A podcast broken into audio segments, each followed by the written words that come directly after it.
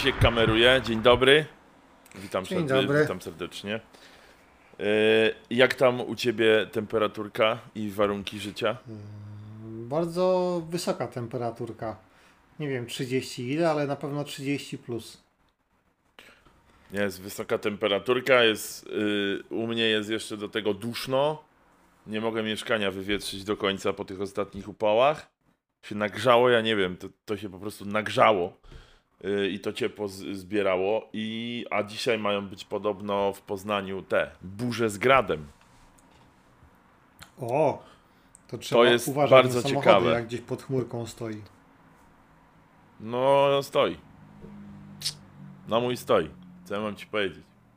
Ale jest ubezpieczenie od gradu, także luz. Trudno. Co ja mam Znaczy, zrobić? luz, nie No, no, luz, w, pi- przykro. w piwnicy go nie schowam, słuchaj, no co? Niestety. No mam nie, no. piwnicy nawet. Kocem możesz przykryć. Takim grubym. No! Bardzo grubym. I Albo- duży, ale by musiał być duży koc, ojeju. Albo takie kołdry. Albo. Albo kołdry. No dobra. Yy, no to co, byśmy. Yy, mamy small talk. M- Był small talk, bo small talk musi być, wiadomo. My się znamy na tych rzeczach jak nikt. I teraz yy, był ostatnio yy, Goodwood Festival of Speed, prawda? I Mhm. był. I szczerze mówiąc, ja mogę tutaj zarzucić potem y, modele, które gdzieś tam chciały przyświecić troszkę na tym, na tym y, wydarzeniu. Y, ale y, mówiąc szczerze, nie wiem skąd się wziął ten. W sensie wiem, że to jest gdzieś na, na posesji jakiegoś tam y, ser, tak? Bo oni są lordzi. Lord. On jest lordem, tak, nie? Lorda, ziomek, zapomniałem tam- jak ten lord się nazywa. Natomiast to się chyba wzięło stąd, że tam wcześniej, nie wiem czy na tej posesji, czy w tych okolicach były jakieś historie związane z motorsportem. No bo Brytyjczycy się bardzo lubili ścigać i oni zwykle sobie czy na jakichś lotniskach, czy na jakichś polach czasem robili jakieś tory i się ścigali jeszcze przed wojną i, i, i, i trochę po wojnie też. Silverstone to było pierwotnie lotnisko, w sensie po wojnie oni zrobili lotnisko jakby tam. Pierwszy wyścig chyba, pierwsze Grand Prix, które było na Silverstone bodajże w 50 roku, no to e, to był teren lotniska, który się stopniowo przekształcał w tor wyścigowy, bo tam po II wojnie światowej im zostało całkiem sporo takich lotnisk różnych po rafie polowych. No, No i tak. one, trzeba było coś z nimi zrobić, to szkoda byłoby to zaorać, więc się często ścigali. Mm, Więc nie wnikałem, co tam się działo wcześniej, natomiast w 93, bo to sobie sprawdziłem, był pierwszy festiwal. Goodwood Festival of Speed. I to się od tego czasu tam dzieje. W tym Goodwood, z tego co wiem, tam też się odbywają różne inne imprezy, jakby poza tym festiwalem, jakieś aukcje klasyków na przykład. Jest coś takiego, co się nazywa Goodwood Revival. I tam na przykład są takie stare, klasyczne samochody, e, które się normalnie ścigają na torze, więc można tam zobaczyć kogoś, kto tam po tym torze w Goodwood pomyka jakimś, nie wiem, e, Ferrari, które się ścigało w Le Mans w latach 60. i jest warte grube miliony funtów, a on No się tak. ściga bok w bok z Jaguarem, który jest warte też grube miliony funtów, więc to, e, to lubią się bawić na bogato tam, bardzo. Tak, to na pewno. E, No i jest ten Festival of Speed, który jest chyba taką największą tego typu imprezą na świecie, mam wrażenie. A jeśli na świecie, to taką najbardziej chyba znaną, tak na dobrą sprawę. I on to trochę, mam wrażenie, tak wygląda jak e, kiedyś u nas. Pamiętam, ostatnio to było w Warszawie, potem, potem to zmieniła się trochę formuła, ale kiedyś u nas było coś takiego, co się nazywało Verva Street Racing. Było, tak, taki event, no. Tak, był coś. taki event. E, No i generalnie polegało to na tym, że była wystawa różnych tam samochodów, tunerów i tak dalej. I był sam event, który sprowadzał się do tego, że te samochody były z różnych jakby epok, z różnych typów motorsportu były prezentowane. Ostatni taki, który mi jakoś tam zapadł w pamięć, dlatego że był tam bolid Red Bulla, to było tu gdzieś w Warszawie, w centrum chyba gdzieś, przy grobie nieznanego żołnierza i tam był bolid Red Bulla, który sobie zrobił rundkę. E, Natomiast e, w Goodwood to jest tak, że są tam te wszystkie wydarzenia towarzyszące, no i clue jest, clue tego wszystkiego jest coś, co się, są różne premiery też i te samochody, co ciekawe, one mają premiery nie tylko e, statycznie, na zasadzie, że sobie stoi samochodzik za tasiemką i, i można sobie obejrzeć. One Ale jeżdżą ten, ten hill climb. Hill, hill climb. Tak, Hill Climb. One jeżdżą i one też tam mają premiery. E, I w tym roku było trochę premier, chyba BMW M3 Touring i inne, natomiast Zaraz Hill będziemy do Climb, tego tak, on jest mierzony, w sensie jest mierzony czas, więc to są takie niby, że zawody. Taka tak. dżentelmeńska rywalizacja, że tam jest to o tyle fajne, że tam występują różnego typu samochody. Jak ja sobie oglądałem wczoraj skrót z tego, to było Camaro przystosowane z NASCARu, był e, Nissan GTR R34, który jakiś tam Nismo, który się ścigał w Japonii. E, Była jakaś wyścigówka Jaguara Le Mans z lat 80. To E, no. było Porsche GT3 Cup, kapówka była, była jakaś zelektryfikowana wersja Caymana, jakieś rajdówki, nie wiem, rallycrossy, no wszystko. Jakby cały przekrój i elektryki też. E, no i w tym roku został pobity rekord, który należał poprzednio do bolidu BMW chyba, kierowanego przez Nika Heidfelda i to było tam bodajże 39, przepraszam, 39 sekund z groszami. A w tym roku kierowane przez byłego kierowcę Formuły 1 takie dziwne urządzenie elektryczne, które miało 1000 koni. karty, coś takiego, nie? Coś McCarthy takiego, tak, to jest jednoosobówka elektryczna, która ma 1000 koni i nie pamiętam Waży ile 1000 waży. kilo też, coś, Chyba tak. coś koło Natomiast 1000 tam- kilogramów. Tak, tam cały bajer polegał na tym, że tam jest taki sprytny patent, który w latach 70. był zastosowany w, w, w, w, w, w bolidzie Formuły 1. To było z zespołu Bernie Ecclestona. Brabhams chyba, czy, czy, czy, czy, czy jakoś tak. Znaczy generalnie patent polegał na tym, że ten bolid miał taką śmiesznego, miał coś na kształt odkurzacza. Generalnie był taki wielki wiatrak z tyłu, który zasysał powietrze spod bolidu i wypuszczał do tyłu. W związku z powyższym on tworzył jakby próżnię i przysysał ten bolid do podłoża. W Formule 1 to zbanowano oficjalnie dlatego, że się kierowcy skarżyli, że jak jechali za tym bolidem, to dostawali kamyczkami po kasku, bo on to wyrzucał wszystko z siebie. Natomiast podejrzewam no sumie tak. nieoficjalnie, że no, że uznano to za niebezpieczne mimo wszystko, no bo przy takim jakby poziomie przyczepności dodatkowej, który ten samochód generuje, no to można osiągać jakieś zawrotne prędkości w zakrętach czy w innych sytuacjach, gdzie jakiś wypadek się odbywa wtedy z wiele, wiele większą prędkością i o wiele mniejsza jest mniejsza szansa, że jednak ten kierowca przeżyje. Więc wtedy to zbanowano. Dzisiaj to wróciło, bo to jest w ogóle ten bolid jest zaprojektowany przez byłych inżynierów Formuły 1. E, I ten bolid przy sam użyciu samego tego wiatraka, tak stojąc, nie ruszając się, generuje 2 tony docisku. A waży połowę tego, nie? Tak, w związku z powyższym oni to pojechali w 36 sekund. Coś? Chyba? Jakoś tak? Powiem ci, że nie, czasu nie, nie pamiętam. Ja tylko widziałem, jak mi wysłałeś ten filmik, jak on startował.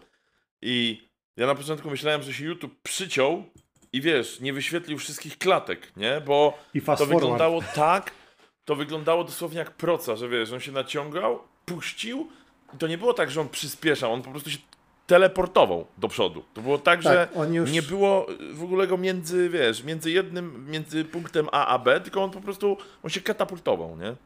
Tak, on generalnie nagle się znalazł w prędkości docelowej. Od razu. To nie była tam fazy przyspieszania. Dokładnie tak. Więc, No. ale to jest śmie- śmieszne na tym filmiku, bo to jest tak, że tam nie słychać silnika, tam słychać ten wiatrak, jak on się rozkręca, zaczyna go przysysać i pracować, a potem nagle ten samochód jest tam gdzieś daleko już. I No bo To widać no bo to wygląda filmie, jakby on- YouTube się zepsuł. tak, tam widać na tym filmie, że on prawie w ogóle chyba nie używa hamulca, on po prostu jedzie, bo ma taki, taką przyczepność, że on jedzie ten tor, tak po prostu. E, więc oni zrobili ten wynik, już zapowiedzieli, że będą budować wersję drogową tego, bo to na razie jest bez homologacji. Natomiast z tego, co mówili, to wersja drogowa w zasadzie będzie miała wszystko to, co miała ta wersja, która pojechała w Goodwood. Bez E, wiatraku. Z tą chyba już, tak, z wiatrakiem. Wszystko. Też. Wiatrak, aero, wszystko. Tak. Tam jedyna różnica to będzie taka chyba, że dołożą elementy niezbędne, żeby to dostało tablicę rejestracyjną e, i dowód rejestracyjny i wiatrak będzie się chyba tylko odpalał w jakimś tam trybie torowym czy innym. No tak. No nie, no bo to wiesz, Znaczy ja te, jestem- te kamyczki, te kamyczki mogą być No. grubym problemem, nie? Tak, znaczy ja jestem ciekaw, kto będzie w stanie tym pojechać, bo tam jechał były kierowca Formuły 1, czyli jakby jeśli jesteś kierowcą Formuły 1, obojętnie czy jesteś dobrym, czy nawet najsłabszym kierowcą Formuły 1, to nadal jesteś kierowcą najwyższej serii wyścigowej, tak? Czyli do, znaczy umiesz. W porównaniu do zwykłego śmiertelnika to masz y, skill na poziomie kilkaset razy lepszym pewnie. I czas reakcji i jakby no, Przede Więc wszystkim teraz jesteś takie samochody- do tego, żeby jakby do tych prędkości, nie? Do tych, tych takich Tak, i do przeciążeń, nie zemdlejesz. przeciążeń i tak dalej, no. Tak Więc jest. teraz no. takiego cudaka, znaczy nie teraz, za parę lat, jak to zrobią. Natomiast tak, oni go robili 4 lata w ogóle ten bolid. E, I teraz takiego cudaka będzie sobie można kupić.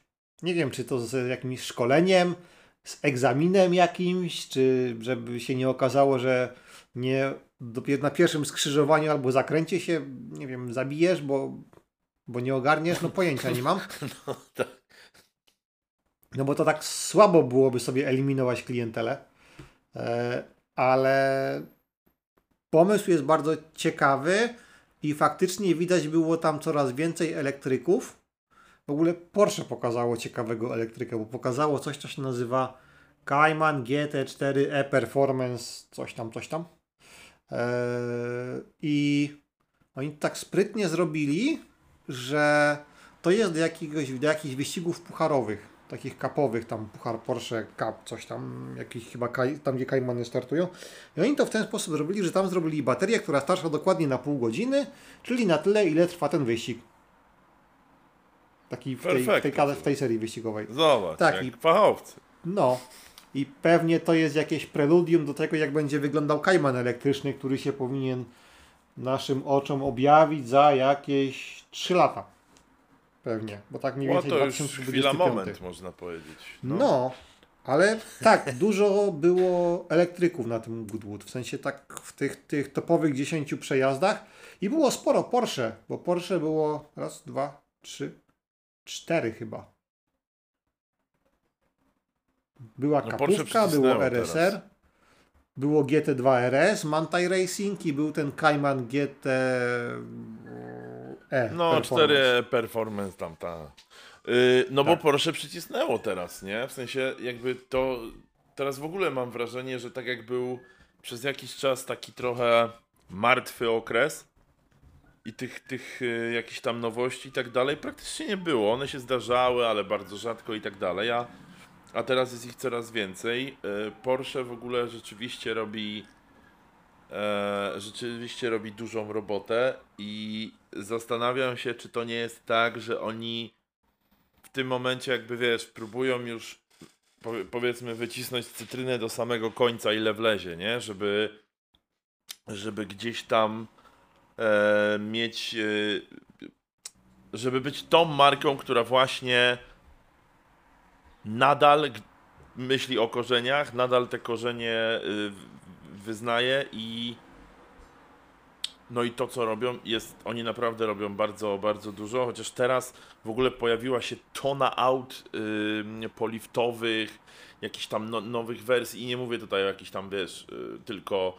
Porsche, Aston Martin czy tam Bentley, tylko na przykład, nie wiem, jest nowa Skoda Superb, jest y, nowe BMW X6, jest, y, no, no ty, tych aut jest y, parę, jakieś Hyundai, nie Hyundai, więc nie wiem, co, co to jest za zryw w ogóle, wiesz, zastanawiam się skąd on się wziął, bo to jest zryw jakiś. On, oni jakby, wiesz, jakby wszyscy się umówili na to, dobra, wypuszczamy teraz, nie? Może to jest tak, że się jakieś cykle produktowe ponakładały. Nie mam pojęcia. O, możliwe, no, no tak też mogło No być bo- w sumie. Porsche teraz szykuje facelifting 911.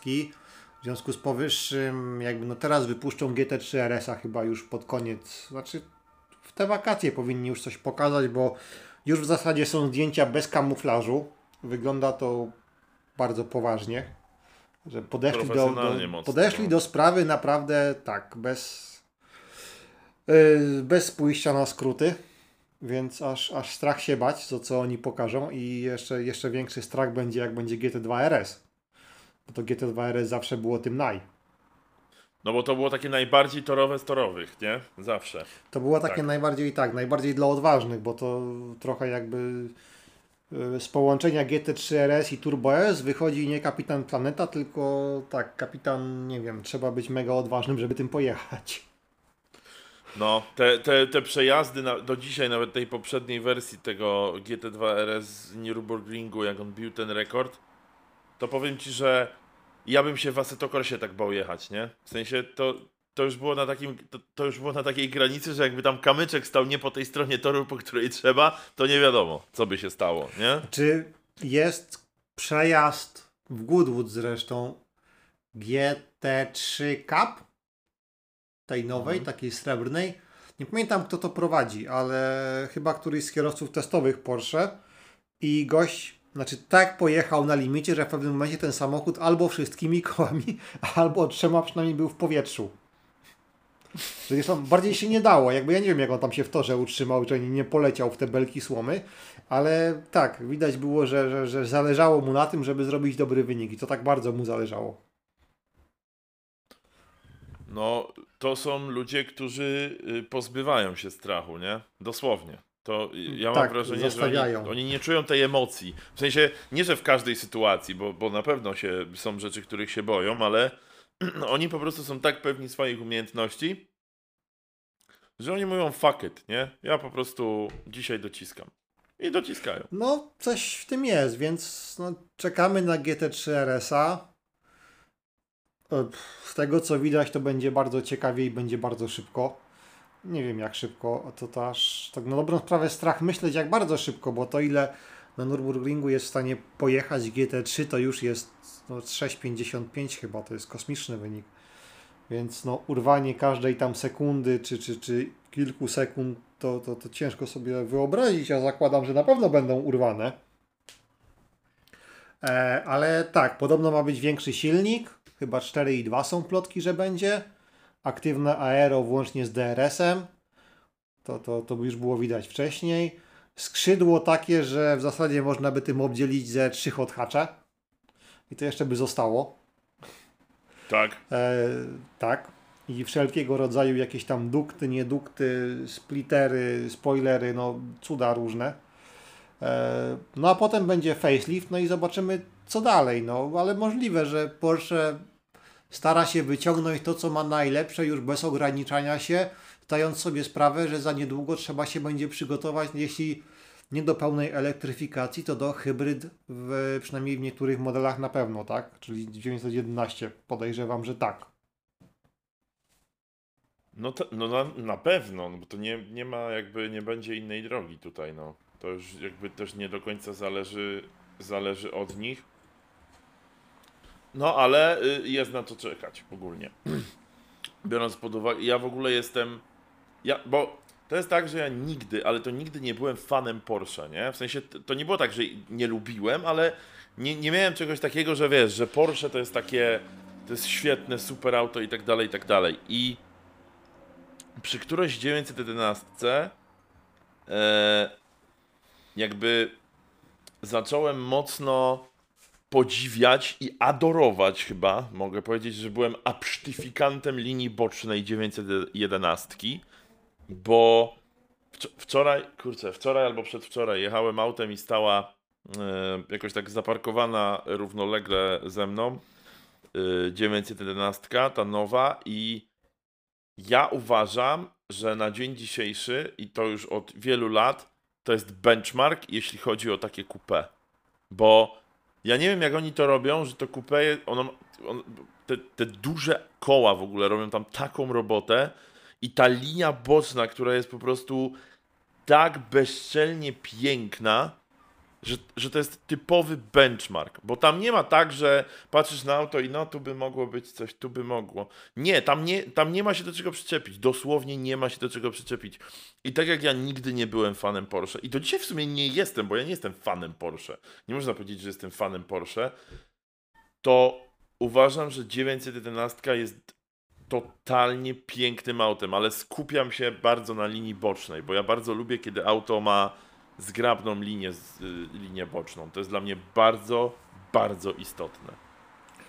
I ma. Ja chyba wolę ten poprzedni, jeśli chodzi o jakby o design, ten 991.2. Ale 992 też jest ładny, natomiast te trochę, trochę zgrabniejsze mam wrażenie, trochę takie bardziej klasyczne jest 991.2, no ale to jest jakby kwestia gustu.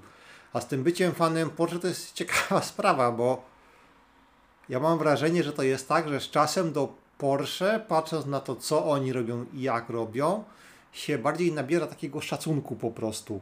Do, Tak. do jakby takiego nieskazitelnego, znaczy tam jest marketing i tak dalej, ale do takiego solidnego, inżynierskiego podejścia, że ktoś siada i mówi, dobrze, to będzie sportowe coupé, to co trzeba robić, jakby, co możesz być w stanie zrobić sportowym coupé?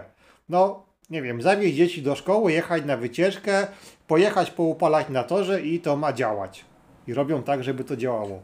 Jakby kosztuje to chore pieniądze, ale faktycznie na koniec dnia to jakimś takim dziwnym sposobem wszędzie działa.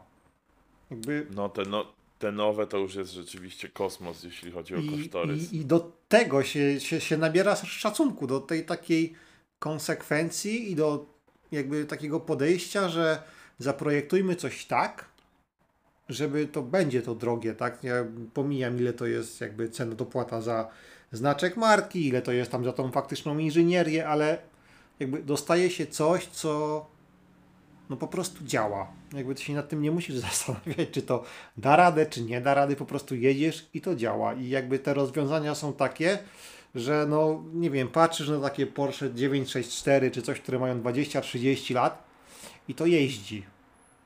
Jakby normalni ludzie tym jeżdżą, tego używają. Normalnie jeżdżą, tak jest, używają jako daily i jest juice. No, no tak i, i jakby wydaje mi się też, że, bo Porsche, ja w pewnym momencie byłem troszkę negatywnie nastawiony, ale też to nie jest tak, że ja byłem negatywnie nastawiony do samego Porsche, tylko mam wrażenie, że gdzieś tam y, wtedy trafiałem na właścicieli Porsche i żaden z nich powiedziałbym, że nie zabłysnął kulturą na drodze. Tak, tak bym to określił. I wiesz, i jakby może też mi się zaczął, zaczął gdzieś tam rysować e, podprogowo, no gdzieś to związałem z tym samochodem i, i był taki okres, że byłem negatywnie nastawiony, a potem się nauczyłem, że to nie chodzi o markę, bo po prostu buraki są wszędzie i, i to, to, to, czy on jedzie Porsche, czy on jedzie Dacią, czy on jedzie Toyotą, to jest zupełnie nieistotne, bo jest po prostu No, burakiem no czy jest, y, no. bu- buraczanką, bo to też się zdarza. Także Tak. y, no jest gdzieś ta taka, y, ta taka opinia o tym, że, że to są snoby, a wydaje mi się, że to się już to, to już nie ma przełożenia, bo Porsche już przestaje być takie mm, takie dla elit jak było, no bo teraz na przykład jak, no czym jeździsz? Porsche. I na przykład na tym kończysz wypowiedź, ale możesz mieć Macana 2.0, nie? Możesz mieć takie auto półrodzinne, pół coś tam.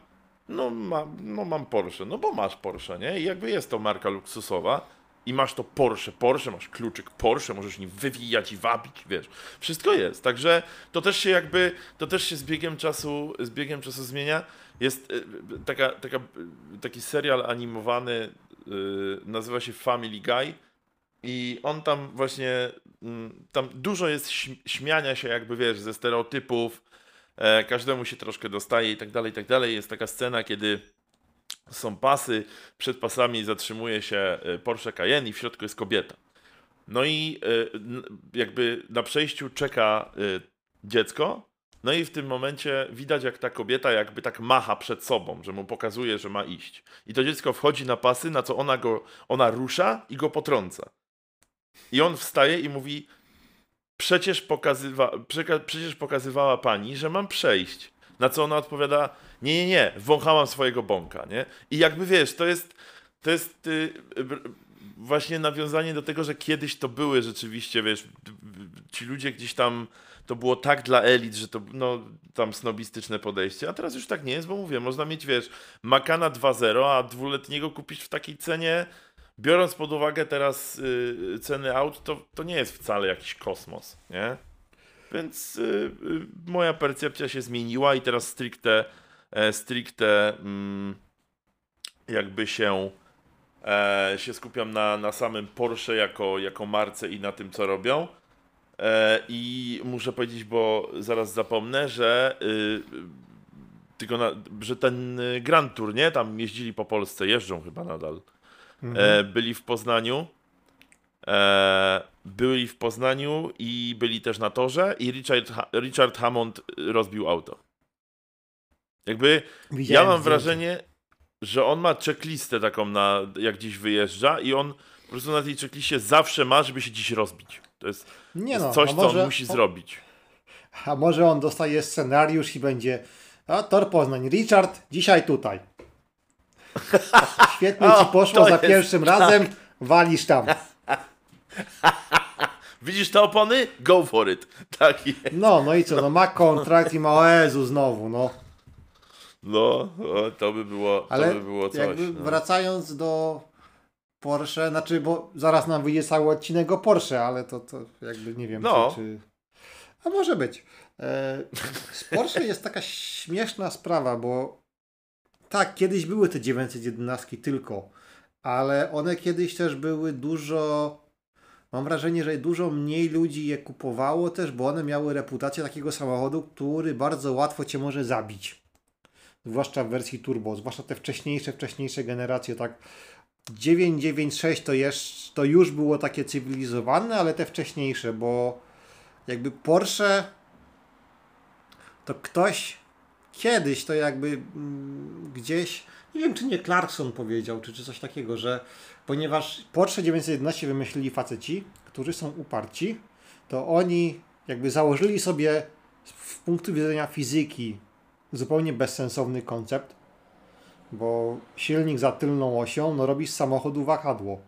W związku z powyższym to będzie albo nadsterowne, albo podsterowne i będzie przechodzić nagle z jednego w drugie. I to jest bardzo trudno się tym jeździ. Tak generalnie, natomiast Porsche zamiast stwierdzić, że no dobra, to może nie jest do końca to, zróbmy coś z tym, na zasadzie umieśćmy ten silnik gdzie indziej, to oni kolejne tam, nie wiem, 50 czy ileś lat, ponad 50 lat, spędzili na tym, żeby mm, jakby z- fizycznego punktu widzenia niezdatny do jazdy koncept uczynić nie tylko zdatnym do jazdy, ale jednym z najlepiej jeżdżących samochodów w ogóle, które można kupić. Tak jest. Oni I, I na tyle z- uniwersalnym, żeby jeszcze y, nie było to auto, które wiesz, y, wymaga jeszcze dwóch innych aut, nie? Także no. To prawda, więc jakby oni to doprowadzili w tych ostatnich dwóch, trzech generacjach do takiego poziomu, że tym faktycznie już jakby nie ma takiego strachu, że to jest samochód, który nagle ci z, nadsterow- z podsterowności przejdzie w nadsterowność, tego nie opanujesz i zginiesz w kuli ognia. To jakby tym normalnie można jeździć i tam jest taka trakcja i taka przyczepność i, i jakby takie są zaawansowane systemy bezpieczeństwa, że no ciężko sobie z tym zrobić krzywdę, chyba że się naprawdę przegnie, więc to się stało bardziej, pomijam aspekt finansowy, ale się stało takie bardziej dostępne dla przeciętnego kierowcy. Tak? Więc to jakby jest jedna część tego. Natomiast druga część jest taka, że ja po mojej pierwszej styczności z Porsche miałem takie, to były 991 generacje. Miałem takie, że Jezu, ale to jest jakieś takie dziwne, w sensie takie kliniczne, to, to w ogóle prawie samo jedzie. Ja tylko muszę pokazać kierunek, nacisnąć gaz i, i obojętnie, obojętnie co ja będę zrobił, żeby temu samochodowi przeszkodzić, on zrobi wszystko, żebym ja mu nie przeszkadzał i pojedzie. Taki paradoks jest, że, że i ja się wcale jakoś wtedy do tego Porsche nie czułem przekonany. To było akurat na Silesia Ringu, a wtedy Alfą jeździłem, a teraz szczerze powiedziawszy jakoś nie wiem, jakoś tak mi to jakby użytkowanie weszło, nie wiem, czy, czy w krew, czy tak się przyzwyczaiłem, czy jakkolwiek to nazwijmy, że kurczę, ciężko mi sobie wyobrazić taką jazdę czymkolwiek innym. To jest podobno taki paradoks, że jak ktoś pojeździ 911, no to generalnie są dwie drogi. Albo stwierdzisz, że nigdy w życiu więcej, bo zupełnie nie, albo stwierdzisz, że no musisz mieć. Tak? Obojętnie jakie byś tam nie miał samochody, musisz mieć zawsze 911, bo to jest taki jakby taki sposób prowadzenia i taki sposób czucia się w tym samochodzie, że to jakby ja w żadnym innym samochodzie, którym miałem okazję jeździć, obojętnie czy on miał 100 koni, czy miał, nie wiem, 500 koni, czy miał, kurczę, tam 600 koni, to chyba więcej niż 600 koni samochodem mi się nie zdarzyło jeździć. To jakby No mi też nie, mi nich- też nie. Mhm. tak. W żadnym z nich jakby nie czułem, że ten samochód tak mi pasuje. Że jakby on jest taki dla mnie przezroczysty. Że ja po prostu jadę i nie myślę o tym, że pomiędzy mną a drogą jest samochód. Ja po prostu myślę, co chcę zrobić i ten samochód to robi. Jakby minusem tego, znaczy minusem, to też jest jakby fajne na dłuższą metę, jest to, że Alfa miała to do siebie, że ona pomagała kierowcy. Przynajmniej w moim odczuciu, że to był taki samochód, który trochę tak, no dobra, bo ty byś chciał szybko, ale tu widzę, że coś tam ci nie wyszło, to ja ci tu pomogę, to poprawię, to udajmy, że tego nie było i jedziemy dalej. Tak, to tak jakbyś miał ustawione na przykład w grze komputerowej wspomaganie jazdy, że wiesz, tam gdzieś komputer ci pomoże, jak widzi, że już robisz głupią rzecz totalnie i że to nie wyjdzie, to on cię tam wypchnie. Trochę tak, tam, tam- Do, do, do, do lewej trochę. Tam. Trochę tak, Więc, takie y- jakby bardziej było bezpośrednie to uczucie, mam wrażenie, ale ten samochód pomagał, jakby trochę wygładzał niedoskonałości kierowcy. A Porsche, nie, ono nic nie wygładza, ono takie jeden do jeden robi takie przełożenie. Tyle ile umiesz, tyle pojedziesz. Nie pojedziesz szybciej niż umiesz, bo ten samochód przekłada to, co umiesz na twoje wyniki. I to jest w sumie na dłuższą metę fajne, bo on jednocześnie daje ci takie duże poczucie pewności, przez to jak jest stabilny i jak dużo wbrew pozorom wybacza. A z drugiej strony masz takie przełożenie jeden do jeden tego, jak ty się poprawiasz jako kierowca, na to, jak szybko tym samochodem jesteś w stanie pojechać. Co jest w ogóle mega takie gratyfikujące w sumie. Więc tak. Jest to dziwne, bo tak jakby jest to zupełnie inne odbieranie samochodu. Znaczy dla ludzi to samochód to samochód i pewnie tyle. Ale dla mnie jest to zupełnie inne odbieranie samochodu niż Alfy. Jakby Alfę się bardziej emocjonalnie odbierało. Tutaj jakby tych emocji jest mniej, ale paradoksalnie jakoś jest większe takie, większa taka przezroczystość tego samochodu, że on jest taki, no nie czujesz, że masz samochód między tobą a drogą. To jest, jakby, Rozumiem, to jest ciekawy chodzi. temat ogólnie. Jak się odbiera Rozumiem, takie samochody, bo niby tu samochód i tu samochód, natomiast czucie i odbiór auta może być tak diametralnie różne i tak ciężkie do opisania, że no jest to jakby wręcz niesamowite, bo mi jest ciężko. uch- ja- Jakby dla mnie jazda jednym i drugim była różna. To były dwie, dwa różne jakby emocje, odczucia i tak dalej, ale ciężko mi jest nawet opisać, żeby było ciekawie. To tak w ramach No to o to chodzi chyba, nie? W sumie. Znaczy, to właśnie chodzi tak, to, ale to się- wiesz, no jak ktoś cię spyta, czym ci się lepiej jechało i dlaczego, no to musisz to umieć jakby jakoś, nie mówię, że skwantyfikować, żeby podać w cyferkach, tak? Ale jakoś opisać. A No ale to Ciężko. opisałeś właśnie. okej, no, to skoro tak, to, bo ja nie mam opisałeś. poczucia, żebym opisał, ale okej. Nie, no, ja, ja wiesz, ja wychodzę, z za, ja wychodzę z założenia, że y, właśnie takie rzeczy nie potrzebują konkretów. Bo Okej. nie da się tego zmierzyć cyferkami, tak jak powiedziałeś. I w momencie, kiedy mówisz, że wiesz, mówisz o tym, czym jeździsz, mówisz w jaki sposób to jeździ i widać, że jakby gdzieś tam całym sobą to czujesz, co mówisz i się z tym zgadzasz, to chyba to jest najlepsza reklama dla auta, nie? A nie, że No. no mam tak, mam tak.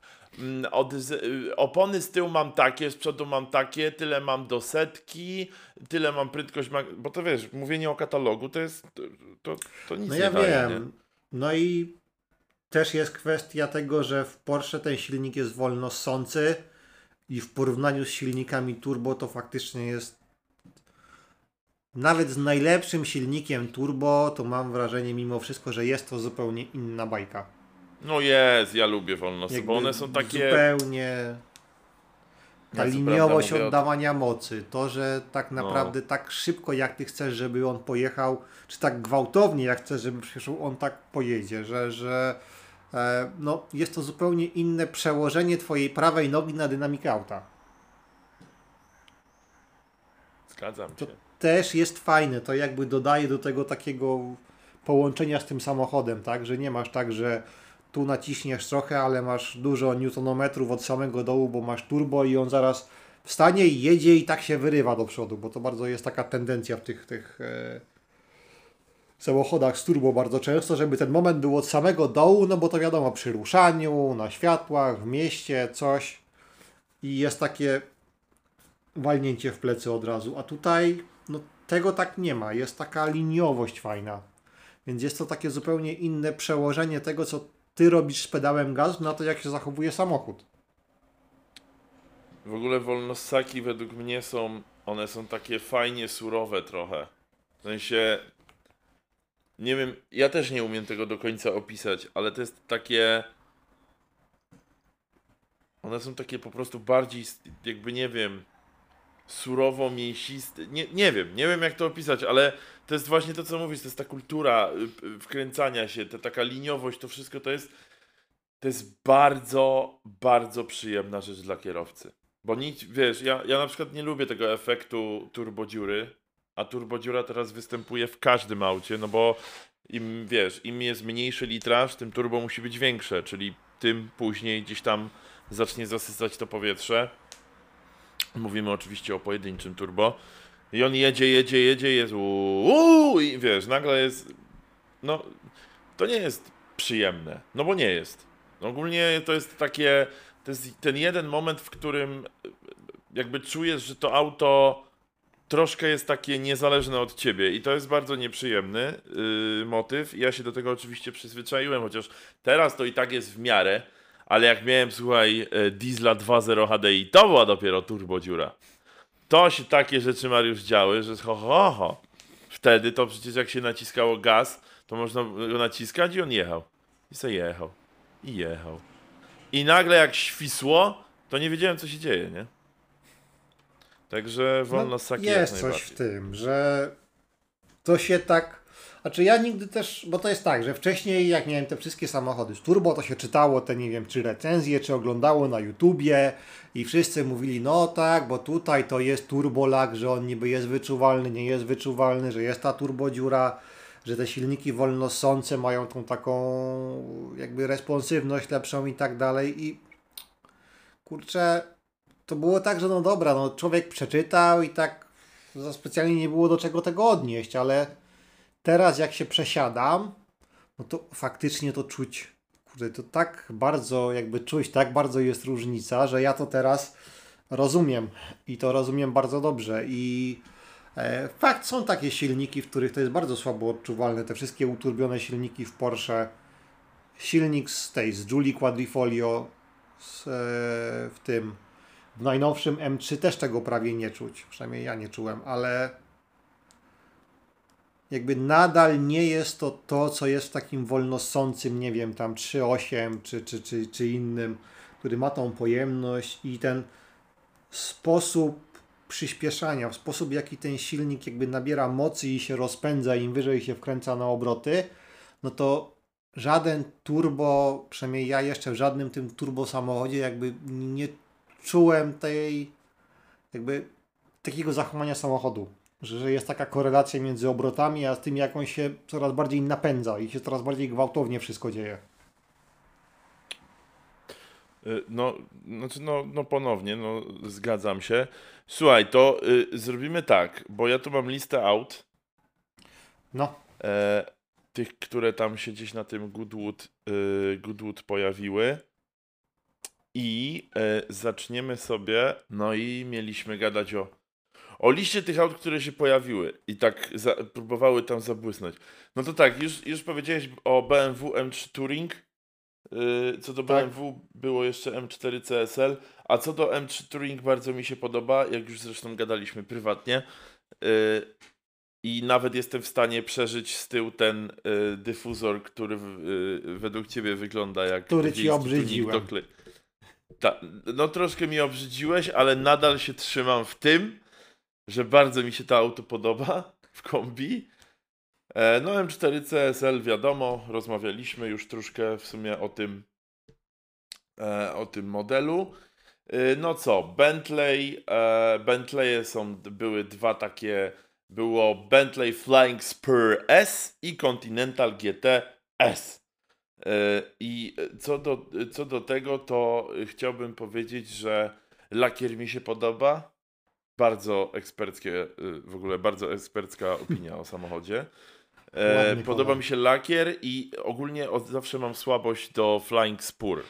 Spur? Nie, ja nie wiem do, do dzisiaj jak to się czyta. Ja mówię Spur.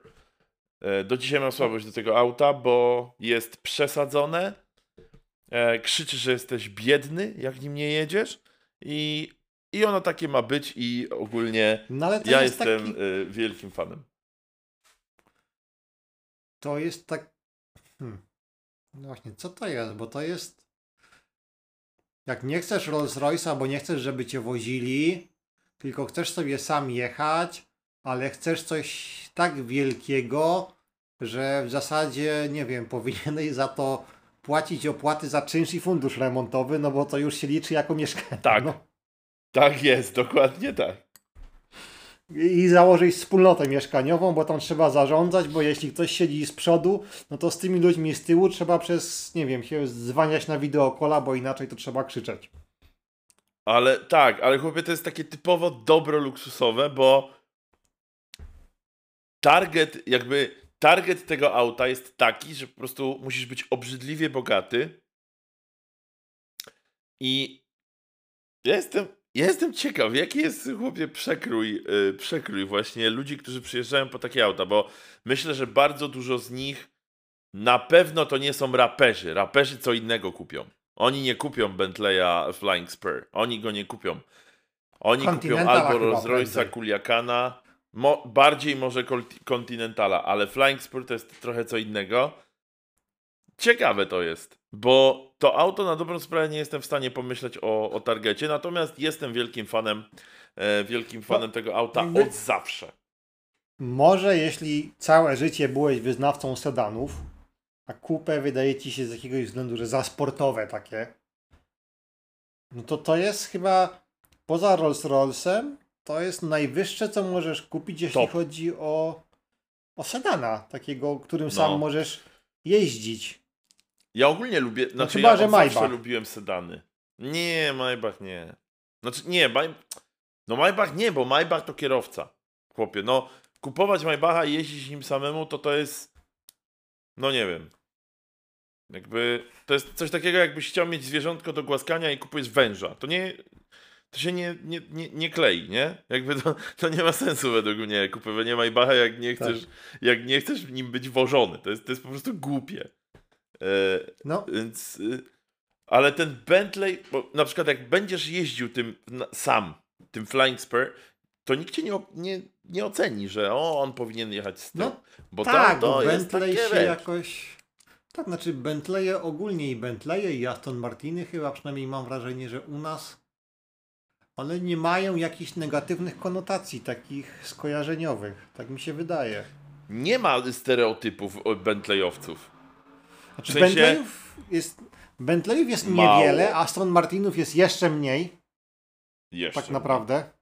Bo to no, zobaczyć Aston Martina to jeszcze w wersji tej, jeszcze te nowe, czyli te V8 Vantage i, i, i, i DB11 i chyba tyle, jeśli to sportowe, i DBS chyba jeszcze.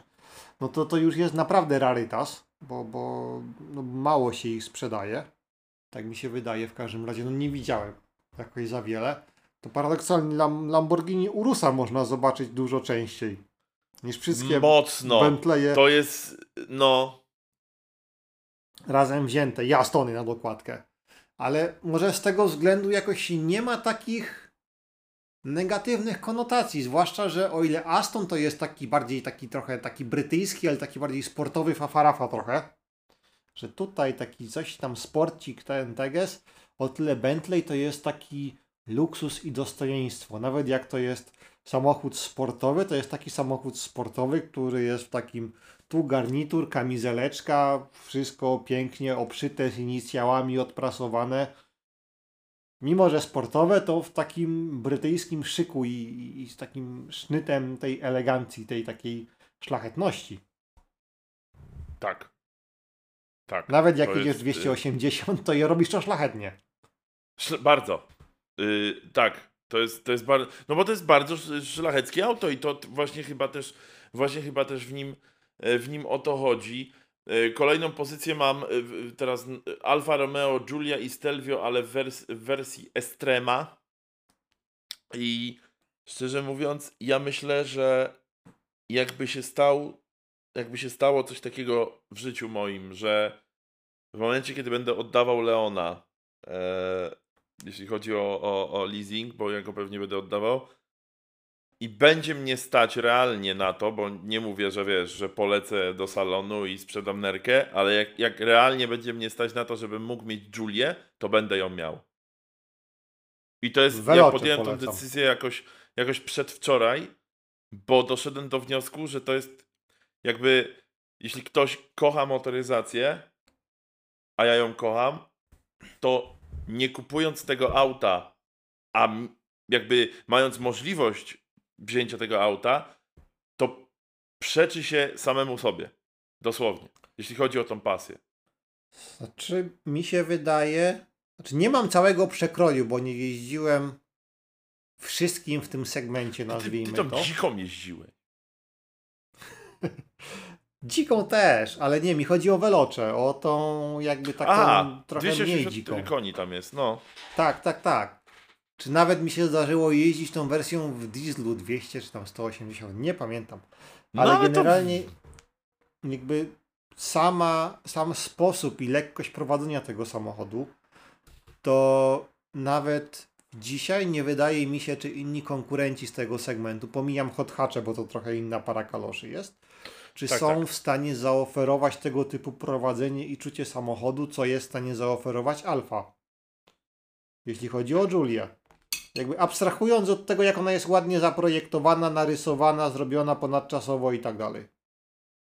No też właśnie ja między innymi o tym mówię, a nadal jest to jeden z lepiej jeżdżących w ogóle sedanów, jakie można, e, jakie można kupić, więc to no jakby ona mi się i podoba wizualnie. I mi się y, w ogóle podoba to, jak ona, y, to jak ona jeździ, to, to co ona, wnętrze mi się podoba. Kurde, to jest, ja w ogóle jestem, y, nie wiem czy ja jestem fetyszystą wnętrz aut i tych zegarów. To jest tak, że auto może być boskie, idealne i cudowne i jak mi się nie będą podobać zegary, nie ma opcji. Nie ma takiej no, opcji w ogóle. Biorąc bo na zegar uwagę, większość że... czasu patrzysz. No. No bo biorąc pod uwagę, że nowe BMW po lifcie już nie ma zegarów, tylko ma tablety. Chyba w Turingu też będą tablety, bo to już będzie poliftowe wnętrze. Hmm. Więc o. tak. No. E, Alfa pewnie też będzie miała lifting i nie wiem, czy nie włożą tych zegarów, które są w tonale w tonale są już elektroniczne. Natomiast nie jest to tablet. Są nadal w tych takich lornetkach, ale są mhm. elektroniczne. Mhm. Więc to jest. No ale to... Tu, wiesz co, mi stricte chodzi o design tego, nie? Że nie mam problemu jakby z cyfryzacją tego, bo tam też dużo pojawia się, że tak powiem, opcji różnych, które gdzieś tam te informacje wyświetlają i to jest spoko. Mi chodzi jakby o sam design, nie? Że e, na przykład y, swojego czasu, no teraz jest inaczej, bo oni to troszkę pozmieniali, ale Skoda miała takie paskudne, ale miała tak paskudne te zegary. I czy to była zwykła, czy to było FRS, Mariusz, to były najbrzydsze zegary, jakie można było zrobić w aucie. Były ohydne. Ja do dzisiaj, jak je widzę, to mam normalnie odruch wymiotny. Straszne. Ja nie wiem, czy to.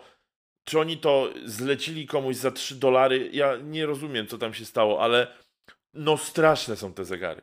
One są och ohydne, one są żadne. Zobacz, jaka we mnie no, nienawiść w ogóle do tych zegarów. No widzę właśnie, że duże no, strasznie. Ja się uruchamiam w półtorej sekundy, jak Jacek Murański sobie. To jest, wiesz, chwila, moment. No, więc e... y, ja jestem fetyszystą zegarów i, i to, to w Alfie mi się bardzo podoba, że on, oni mają te, te zegary takie takie mega proste, takie mega, takie mega proste, ale zarazem one są bardzo ładne, nie? Są Więc, bardzo ładne, bo y, są takie klasyczne ich jakby alfowe te zegary. Tak, że, że oni nie dokładnie próbowali skopiować niczego, po kimś oni wzięli ten swój design, te swoje charakterystyczne takie lornetki, tunele na te zegary, gdzie one jest w tym tunelu. To w ogóle świetny jest ten patent, że jak się odpala, jak się włącza zapłon, to ta wskazówka idzie do samej góry i potem wraca. Jakby ten samochód, jakby pokazywany jest, że on się budzi. Jakby tak, że, że faktycznie to jest takie, takie smaczki są drobne, ale one robią tak, robotę. detale. A, No, a ja propos wiem. właśnie, tak, zegarów. No niestety też w Porsche poliftowym 911 już nie będzie zegaru. Będzie tablet. No ale to ważne, żeby chociaż to wyglądało, wiesz, dobrze. No, nie no, będzie tak jak w Taycanie pewnie. To znaczy to wygląda, ale to nadal... No, A... teraz zostawili przynajmniej ten obrotomierz taki analogowy i to jest fajny ten klimat, a teraz no... Teraz chyba nie będzie, jak- tak spajszoty pokazują. W taj, jak w taj, to niedobrze. To niedobrze, bo w autach elektrycznych jakby powinna być różnica, nie? To, to nie powinno być wszystko to samo, ale pewnie ponownie, jak nie wiadomo o co chodzi, to chodzi o kasę. No, Chodzi lepiej zrobić jedną. no. No, lepiej zrobić jedną linię produkcyjną i wszystko będzie wyglądało tak samo, niż zrobić dwie. No, to jest normalna, normalna rzecz. Yy, teraz y, przeczytam, y, będę śpiewał. Uwaga, bo pojawił się też Mercedes AMG GT 4Door 63S E-Performance E Macarena. Yy, I O, E, tak, takie rzeczy, to też się pojawiło. Uwa- Myślę, że to jest najdłuższa nazwa auta. To jest jakby może tak jeszcze być. formatik Mercedes może. Może jeszcze formatik tutaj. by- Formatic trzeba. Plus. Haha, tak, to jeszcze można wydłużyć. Zobacz, jaki tu jest potencjał. No, także takie coś też było śmiesznego. E, oczywiście tam też była e, nowe, nowe było BMW 7, nie, nie tam i, i X7, nie, nie i7, i, d- było normalnie nowe BMW 7 i powiem Ci Mariusz, że ja w ogóle nie jestem wizjonerem, absolutnie, mimo że pracuję w, w, w designie, to ja nie jestem wizjonerem, bo dla mnie to auto wygląda jakby było zrobione z klocków Lego z małej liczby elementów i dużych klocków. Czyli generalnie to jest tak, że to jest bryła, którą ktoś trochę wykuł, ale nie za bardzo mu się chciało do końca, więc zostawił po prostu tak jak było i mówi, dobra, puszczaj tak jak jest, nie mamy czasu. A to Co tak jak się stało w tym aucie? Mariusz, czy ty to widziałeś? widziałem. Ja nie po... I teraz ja rozumiem, że powinno mówi- się mówić, że no taki odważna stylistyka, wiodą prym. To jest, to jest brzydkie. To jest, to No. jest brzydkie po prostu. Może stwierdzili, że się za dobrze sprzedaje i chcieli, żeby S-klasa też coś miała z życia, no. Ej, no ale chłopie, no ja, ja teraz mówię poważnie, jak zobaczyłem tą siódemkę, to mówię, to jest żart jakiś przecież jest, to jest niemożliwe, no jak? Jak? To jest, to, nie wiem. to auto nie, serio nie mam, nie mam jak było- pojęcia. I ono jest Znaczy- zrobione nie z tych klec, klocków Lego, które wiesz, są specjalnie robione pod jakiś zestaw, tylko te, te zwykłe takie. Ktoś wziął i, i, i, i mówi, no ale tu brakuje spadu. Dobra, weź ten kwadratowy tam. To, co, co tam się dzieje? Co oni zaczęli tam robić? I co za chmura gazu tam musiała w ogóle dotrzeć nad to studio projektowe, że tam się dzieją takie rzeczy teraz? Nie wiem, ale musiała dotrzeć bardzo i być straszna. Znaczy BMW w niektórych modelach mam wrażenie, że ma duży problem, przynajmniej jak dla mnie, żeby się jakoś designersko odnaleźć. No bo oni trochę nie wiedzą w jakim kierunku iść, zauważyłeś? Oni zrobili te duże grille, wtedy co, co, co się ludzie śmiali, No, że do dzisiaj gdzieś tam lekka beczka jest, z tych dużych grilli. To i BMW stwierdziło, że to będzie nowy, e, nowa stylistyczna linia. Teraz z kolei robią właśnie jakieś kanciate coś, co już przestaje wyglądać jak auto, nie? W sensie to zaczyna wyglądać jakby narysowało to dziecko. Bo brakuje właśnie wyczucia, brakuje linii, brakuje proporcji, brakuje tożsamości tego. znaczy nie wiem, ale- jak bunkier.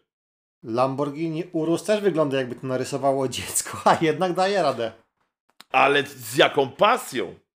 Tak, Tu właśnie o to chodzi, bo tam jest bo pasja. to bo to było ten Italiani Bambini, takie, które Dokładnie. Ono normalnie tam, wiesz, od trzeciego roku życia w spaghetti było karmione i, i po prostu i wyszła pasja, no. Do, wiesz, zamiast, zamiast kołysanek to mu puszczali dźwięki Ferrari i Lamborghini, wiesz. To i, No. i on narysował i, Zamiast narysowała, i dobranocki proszę. jakieś urywki z Formuły 1 albo z Mile Milia i Tak, albo z jakiegoś Le Mans, wiesz. I, i, i, no i tyle, nie? Także no, Yy, no nie, jakby ja nie mogę, ja, ja nadal uważam, że to jest, to jest jakiś żart, że to, nie, to nie, niemożliwe jest, żeby auto tak miało wyglądać. To jest niemożliwe, ty. no podejrzewam, że jednak będzie, no. Bo to już jest za późno, żeby jakieś Jakim trzeba być- wprowadzać. Powiedz mi, jakim trzeba być BMiarzem, żeby powiedzieć, o tak, jest piękne. W sensie, jak bardzo już trzeba się oszukiwać i żyć w bańce po prostu i być jakimś psychofanem marki, żeby nie widzieć, że No ale, coś tu jest nie halo, że oni się gubią. za, ale, no, ale dział projektowania ma jakieś swoje grupy fokusowe, ma jakieś, nie wiem, robili jakieś badania, sprawdzali, no skądś musieli dostać potwierdzenie, że ten kierunek jest w jakiś sposób słuszny. Ja nie wiem skąd. No, Jakby nie, nie wiem, ale no jakieś to musieli mieć potwierdzenie tego, że zaprojektowali to w ten, a nie inny sposób. Może wiesz, zrobili, wzięli jakąś grupę turystów. Się okazało potem, że cała ta grupa dwie godziny wcześniej wróciła z rejwu i, i no i wyszło tak, no. To, to też tak, wiesz, to i stwierdzili, no oni tak mówią, że tak jest dobrze. No to rób. No jest, wiesz. Także nie, już skoń, bo ja się unoszę niepotrzebnie. Teraz tak. To jest ostatni z mojej listy. E, chodzi o ProDrive P25. A AMG. Project One i Valkyria? No a to już było wcześniej. No ale to pierwszy raz chyba sensie w- pokazali w- tak na żywo. Znam, znam, nie no jak, AMG One to już było mocno pokazane, pokazywane. Już nawet zamawiać Um, można było. Zamawiać można było, ale tak wcześniej to było wiadomo, że tak jest, ale nie ma i tak. e, No to wiesz co, ja się obyłem już z widokiem, y, ja się już No bo obyłem. oni go dosyć mocno pokazywali, ale tak Mocno, właśnie no. pokazywali widoki, ale nie pokazywali tego, jak to jeździ. Ale dobra, No, to może możemy specjalnie. zostawić na później. No, następny bo to, raz. Ale mam, mam słuchaj, ja myślę, że te, ten temat AMG jeszcze wróci i Valkyrie też wróci. Na pewno, bo tam się y, gdzieś pewnie jakąś zapełnią informacje i tak dalej, i tak dalej. Natomiast mówiąc o ProDrive P25 tak tajemniczo brzmiącym, chodzi o e, rest moda zrobionego na podstawie Subaru Imprezy z 97 roku 22B. I ogólnie tych, tych imprez jest teraz ma mało, e, bo on, ich ogólnie było mało. No i oni tam wzięli tego, tą imprezę i e, wsadzili tam włókna węglowe, dużo, dużo wsadzili włókna węglowego. Wsadzili tam nowoczesnego, nowoczesny silnik Boxer 2 4 yy, 405 koni i 600 Nm i ma launch control. To jest też dodali launch control, żeby można było szybko ruszyć. I e, jakby no teraz jest moda na te, na te y, rest- rest mody, bo, bo jest duża moda na mody rest, tak? Mhm. Bo przecież i, i, i, O i, tym- i Porszaki i tak dalej. Tak, o tym też sobie możemy kiedyś odcinek osobny nagrać, bo to ciekawy temat jest. Jest, bardzo. Ja w ogóle bardzo mi się podoba ta wizja rest modów, nie? Bo to jest tak, Tak. że możesz mieć smak tej motoryzacji, która była kiedyś, ale nie martwić się o to, że odpadnie ci tłumik, bo przerdzewią. To jest super. E, bardzo, to jest bardzo na, bardzo na, na plus. Mm, 400 i teraz cena. Cena jest najlepsza na świecie, nie? Ja Jak to zobaczyłem, ja myślałem, że źle przeczytałem. Bo cena to 460 tysięcy funtów plus VAT i pozwoliłem sobie to obliczyć i przerobić na złotóweczki. No więc No. to jeszcze akcyza jakaś pewnie, nie? Wiecie, czy coś. Nie, bo nie Mhm. wiadomo gdzie to będzie, bo jak w Unii to nie ma akcyzy, tak? Dobrze, Ale UK już nie jest w Unii, więc a ProDrive jest brytyjski. Bo to jest w No ogóle pozamiatane. stajnia, która buduje rajdówki takie w WRC. No, o, no to y, cena bez akcyzy, która może wynieść, tu jest 2,4, czyli ile? 18%. Dobra, 18 czyli jedna chyba. piąta. O Jezus. No to bez akcyzy wychodzi 3 miliony 60 tysięcy złotych. No to po 4 miliony trzeba liczyć, no. Ty, ale w sensie ja rozumiem, nie? Bo to, to jest dużo pracy przy takim aucie i tak dalej, ale ja mam wrażenie, że grubo przesadzili. Grubo. E, czy ja wiem? Znaczy, jak sobie popatrzysz, że jest taka firma Alphaholics, też brytyjska, No. która bierze stare Alfy Romeo, jakby bierze Alfy Romeo z czasów, kiedy Alfa Romeo była BMW, zanim BMW zostało BMW. Czyli Dobra. kiedy Alfa Romeo robiła takie samochody dla kierowców, szybkie sedany z nastawieniem na sport, jakieś tam Julie GTA, GTA M, Julia Sprint i jakieś inne tego typu wynalazki. E, bierze te samochody i je też uwspółcześnia. I no to jest na tyle, jakby oni to robią ręcznie wszystko. Włącznie z tym, No że tam są się, no. wiercone otwory, żeby odelżyć, robione jest karbonowe elementy, są robione też jakoś tam ręcznie czy półręcznie. No, jest to generalnie w większości ręczna robota, no i tak naprawdę biorąc pod uwagę ilość egzemplarzy, plus to, że oni muszą na tym coś zarobić pewnie, plus to, że jakby no czas i wiedza człowieka, który jest w stanie to zrobić, no plus nie ukrywajmy to, że jest na to moda i oni są doskonale sobie z tego zdają sprawę, że za taki kultowy model, jakim jest Subaru 20, Impreza 22B, ile oni krzykną, to za tyle pójdzie. I tak będzie No kolejka dobra, chętnych. no. No bo, Ja myślę, że nawet jak Ojeju, było bo- 10 milionów złotych, to no bo chodzi o to, że po prostu możliwe, że troszkę ten. Troszkę jestem za biedny i po prostu dla mnie, no No, ale ja myślę, że 22B jako takie teraz to jest tak rzadki samochód i tak kultowy, że one i tak pewnie w okolicach miliona chodzą. może tak być. Takie 22B po prostu tak, bo to no. Więc no. A ten, a taka ciekawostka, dosłownie zanim zaczęliśmy, zanim zaczęliśmy nagrywać, natknąłem się na jakiś post. Yy, jest taki serwis Rayleigh i coś tam, że Red Bull wypuszcza bolid. W sensie nazwał to zabawką dla najbogatszych. e, Hypercara robią, bolid no. ma, no i że ma y, dos, dostarczyć ci y, wyrażeń, jakbyś jeździł Formułą 1. I tam będzie hybrydowe V8, y, tam moc do 100, t- t- 1100 koni. E, I e, ile tam będzie? 25 sztuk albo 50? Już nie pamiętam. Chyba 25 tak. chyba. Chyba 25. E, I cena jest 5 milionów funtów. No, Ale oni Znaczy- tam oferują, słuchaj, y, szkolenie na symulatorze F1, więc za 5 milionów funtów będziesz mógł pograć w grę. E, I do tego jeszcze jakieś tam y, okresowe szkolenia czy, czy eventy organizowane przez Red Bulla, nie? no tak, zostaniesz ich VIP-em. Kupisz sobie VIP pasa za 5 milionów funtów i do tego będziesz mógł kupić Drogawo. samochód. Tak, znaczy, ale to Jest.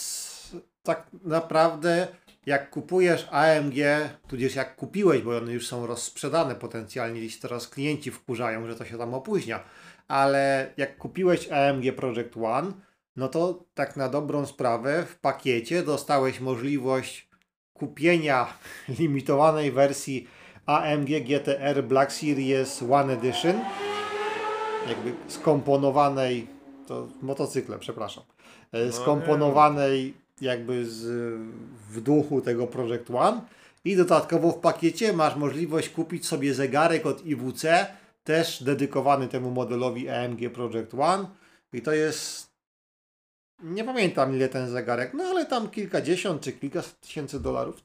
Coś tak też nie, nie za tani, żeby nie było. Żebyś Nie, tu odpowiednio ekskluzywnie. Więc to, Oczywiście. to, to jest tak, że generalnie e, kupno samochodu za grube miliony to jest tylko takim początkiem otwierania dalszego portfela, żeby kupić jeszcze inne rzeczy, które możesz kupić dlatego, że wydałeś te miliony. No, w ogóle y, tak, ale ja się mm, jakiś czas temu jakiś czas temu się do dowiedziałem, znalazłem artykuł, jakieś tam ciekawostki były o McLarenie F1, nie? I jedną z ciekawostek było to, że kupując auto dostawałeś zegarek. Taki wiesz, yy, który był dedykowany właśnie, ale nie trzeba było dopłacać, tylko było A normalnie widzisz? w komplecie. Bo Było wtedy jeszcze nie umieli dostawałeś zegarek. marketing. Wtedy jeszcze nie wiedzieli, że można je, jeszcze więcej wyciągnąć, nie? Tak. E, to jest ten. I druga, druga y, śmieszna ciekawostka, znaczy śmieszna, wcale nie śmieszna, bo to poważne rzeczy.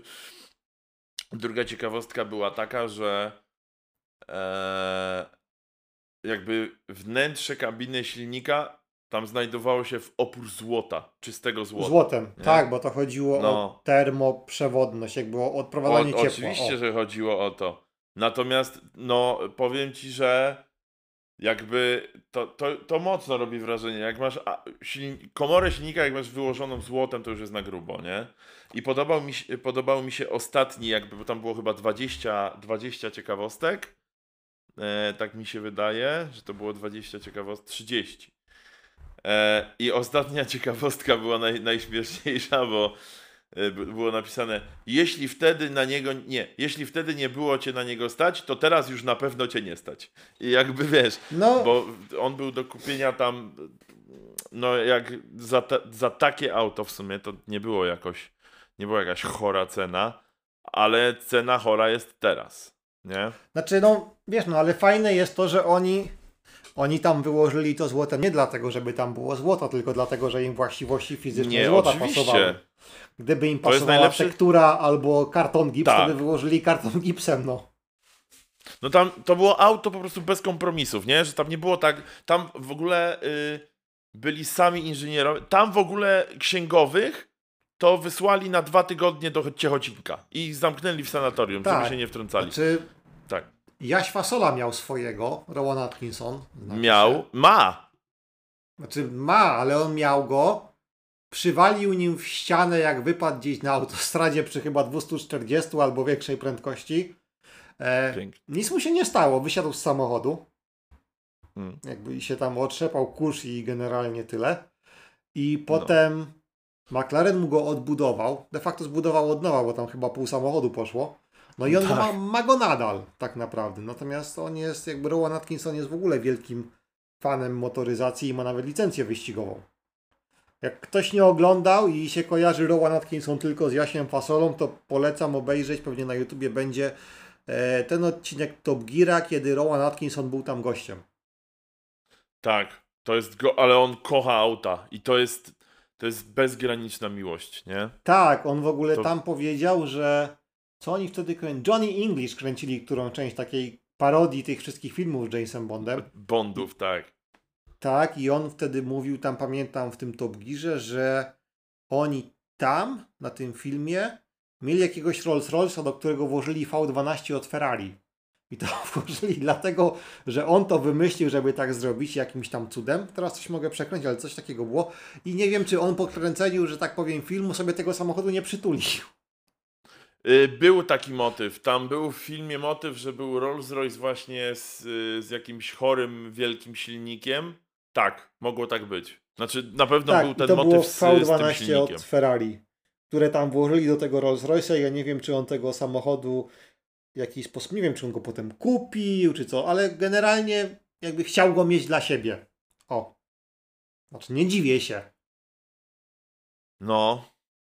No ja też się nie dziwię, słuchaj, bo... To jest tego rodzaju, że tak powiem, pasja do motoryzacji u pana Atkinsona.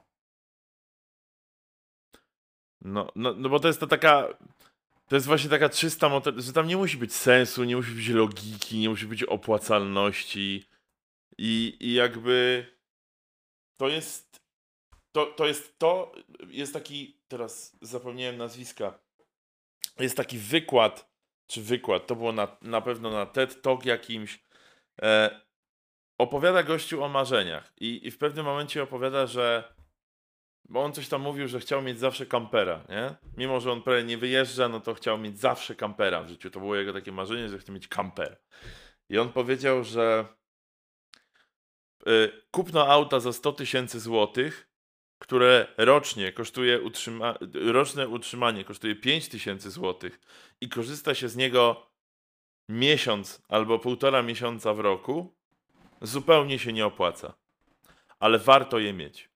I jakby uważam, że to jest świetne też, yy, świetne podsumowanie tego, czym jest motoryzacja, że motoryzacja nie, nie, nie musi się opłacać, motoryzacja, motoryzacja nie musi być logiczna, ale jakby to się czuje, a nie się oblicza. I to jest to, jest to o czym zawsze powinniśmy, e, powinniśmy pamiętać. I tym jakże przemądrym stwierdzeniem będziemy się żegnać. Tak, E, już myślę, że pora. Kolejna dawka. E, tak, Następnym razem. tak. Kolejna, kolejna dawka tych cudownych mądrości następnym, następnym razem. Może jeszcze między e, newsami następnymi sobie pogadamy o czymś na przykład. Tak. luź, luźniejszym. No także co? Y, dziękujemy bardzo. Ja dziękuję bardzo. Dziękuję bardzo Mariusz za y, rozmówki. Y, I ten. I, y, no i się widzimy. Do usłyszenia. Tak. Do usłysz- w sumie to się słyszymy, bo tak. Bo To się słyszymy, tak. pokazujemy. Także To się dziękujemy słyszymy. bardzo. No dobra. No dobrze. To się słyszymy i klaks.